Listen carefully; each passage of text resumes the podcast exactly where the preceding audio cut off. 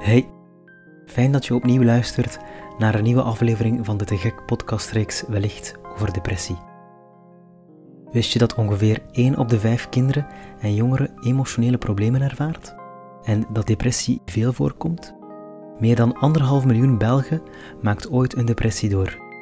Maar wat is dat nu net, een depressie? In deze podcastreeks laat ik mensen aan het woord die ervaring hebben met depressie. Ze zijn moedig en spreken open over hoe ze dat ervaarden en helpen hierdoor mee het taboe te doorbreken. En misschien kan hun ervaring jou of iemand anders wel helpen. In deze aflevering luisteren we naar Sophie en Eline. Moeder en dochter kwamen beide in aanraking met depressie. De concrete oorzaak, dat, dat weet ik eigenlijk niet. Dit is Eline. Ik denk ook een beetje te veel van alles. Ze is net terug gaan studeren nadat ze twee jaar lang met een depressie worstelde. Met alle problemen thuis door mijn gedrag en zo, die allemaal een vraagteken waren. Ze is 21 en de oudste dochter van Sophie. Ik denk ook jouw relatie toen, hè.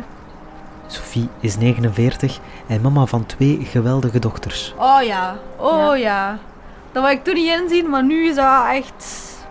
Ja. Ja, ja, sowieso. Ja, dat was volgens ons ook de grote boosdoener, waardoor Ja. dat we Eline terug zagen veranderen en afzakken. En de, de moeilijkheid daarin was dat zij, zoals dat ze nu zelf aangeeft, dat helemaal niet zo zag.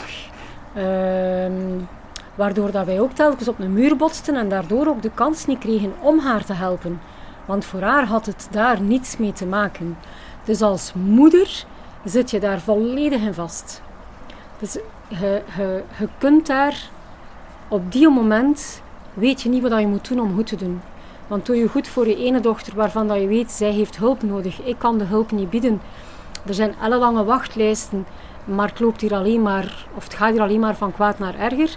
En terzelfde tijd heb je aan de andere kant een dochter die vindt dat zij evenveel recht heeft op aandacht en, en eh, respect, maar ook ruimte en tijd om zichzelf te kunnen zien groeien en evolueren in haar puber zijn. Maar je hebt dat niet. En dat wringt zo. Voor mij, ik denk, komt het er dan op neer dat, dat ik mezelf als moeder, mijn eigen daar helemaal in verloren ben. En dat ik dan uiteindelijk ook heel hard in de knoop gezeten heb met mijn moedergevoel. Dat dat mijn schuld was, waardoor dat allemaal zo fout was gelopen. Ja, daar heb ik ook- gekweld, je wordt echt gekweld met jezelf. Zo van, ik ben geen goede moeder en zo. En dat zei Ja. ze ook. Ja. En dat brak dan ook weer mijn hart van... Dat ik me schuldig voelde van, ja, het is door mij dat mijn zus eronder lijdt. Waardoor zij haar dan slecht voelt. En kende het, zo'n hele visieuze cirkel. En dan, ja, om duur voelde iedereen zich slecht. Door de, gevoel, de gevoelens dat we elkaar onbewust gaven. Sophie voelde zich niet alleen verloren als moeder. Door verschillende operaties kon ze haar droomjob niet meer uitoefenen en kwam ze zelf in een depressie terecht. Een zware depressie, met zeer weinig licht. Zo weinig licht dat ze bijna geen uitweg meer zag. Ik, heb eigenlijk zelfmoord gepleegd. Het was niet de bedoeling om hier vandaag nog te zitten. Maar ik ben er nu wel nog en ik ben daar ook blij om vandaag. Eh, er is een reden waarom dat ik hier nog moet zijn. Maar ik heb daar enorm veel uit geleerd. En ik kan dus niet zeggen bij mij dat dat zo van de ene dag op de andere dag gebeurd is. Heel veel mensen ervaren dat wel zo. Dat ze s'avonds gaan slapen en s'morgens plots niet meer uit bed geraken. Bij mij is dat altijd maar willen blijven doordoen. Tot op het moment dat je op dat punt komt dat je geen oplossing niet meer ziet voor al de problemen. En dat je denkt van dat dood gewoon nog de enige oplossing is. Niet zozeer voor mezelf in eerste instantie, maar vooral voor de mensen rondom mij. Omdat ik dan denk van ik ben toch maar een last, want ik ben op alle vlakken afhankelijk van iedereen. En daarom dacht ik dan vooral ook dat dat voor iedereen de beste keuze was. Niet alleen voor mezelf, maar voor iedereen. Ik snap dat je dat op dat moment zo ziet, want ik had dat ook op dat moment. Dat ik op dat punt zoiets had van ja, ik zal er beter niet meer zijn, het heeft geen nut meer en zo. Maar dan, omdat je echt denkt van ja, ik ben nutteloos of ik heb met iedereen het leven een beetje te zwaar of zo. Maar uiteindelijk is die omgeving die dan nog overschiet, zeg maar, en die er dan nog onder lijdt. Ik bedoel, stel dat dat, er, dat, dat zou gelukt zijn en ik bedank God elke dag dat dat niet zo was. Maar dan, dan zou ik nu als, als 21-jarige al geen moeder niet meer hebben. Dat wil, dat wil niemand. Hè.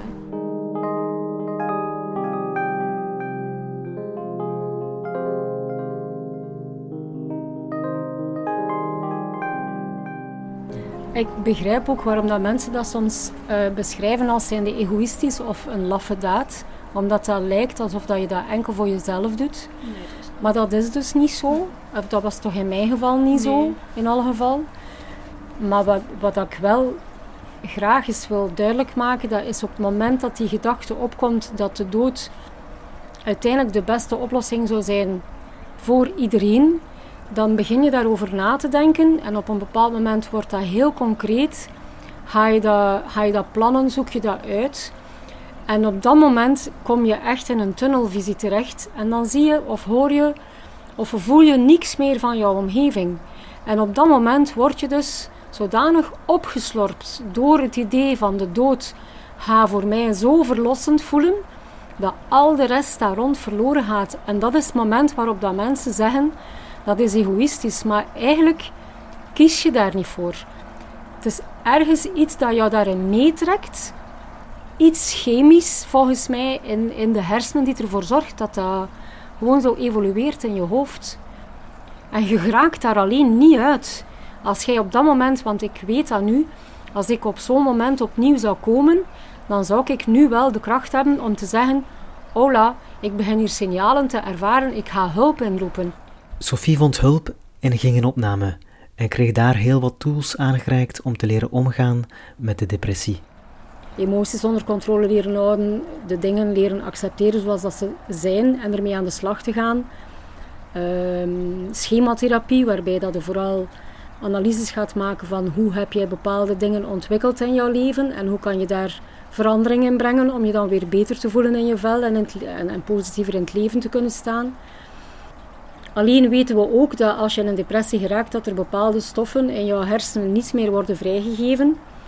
En dan werkt medicatie daarop. En soms is therapie alleen niet voldoende.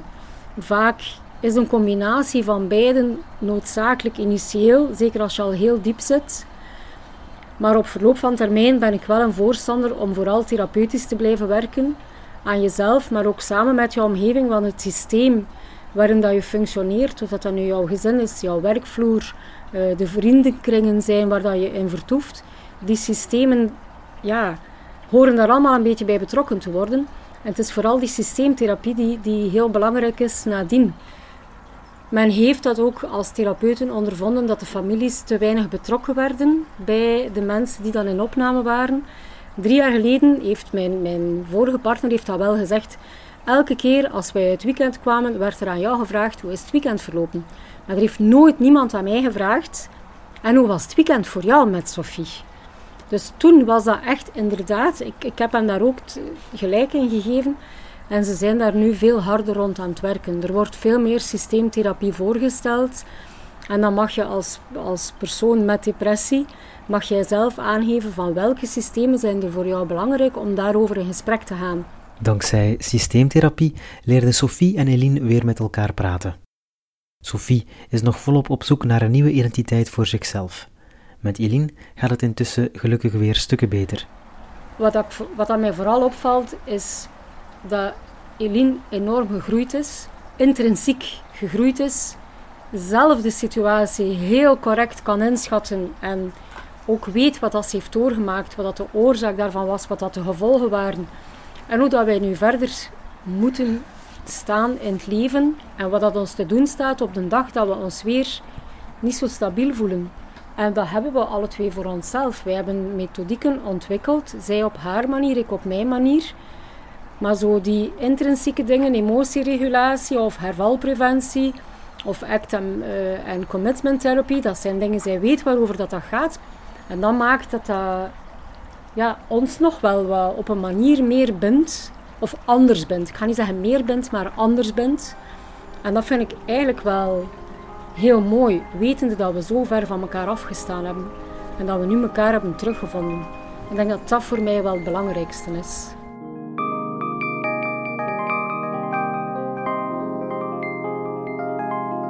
Je luisterde naar het verhaal van Sophie en Eline. Zit je nog met vragen over depressie? Check dan zeker de Te Gek campagnewebsite wellicht.be. Heb je na het luisteren van dit verhaal nood aan een gesprek? Je kan terecht bij Teleonthaal op het nummer 106 en bij de zelfmoordlijn op 1813. Mijn naam is Matthias Cornelli en ik maakte deze podcast samen met Esther Kolen in opdracht van Te Gek. Bedankt Sophie en Eline, bedankt ook Axel voor de muziek en bedankt aan alle mensen die mij gesteund hebben bij het maken van deze podcastreeks. Graag tot een volgende keer.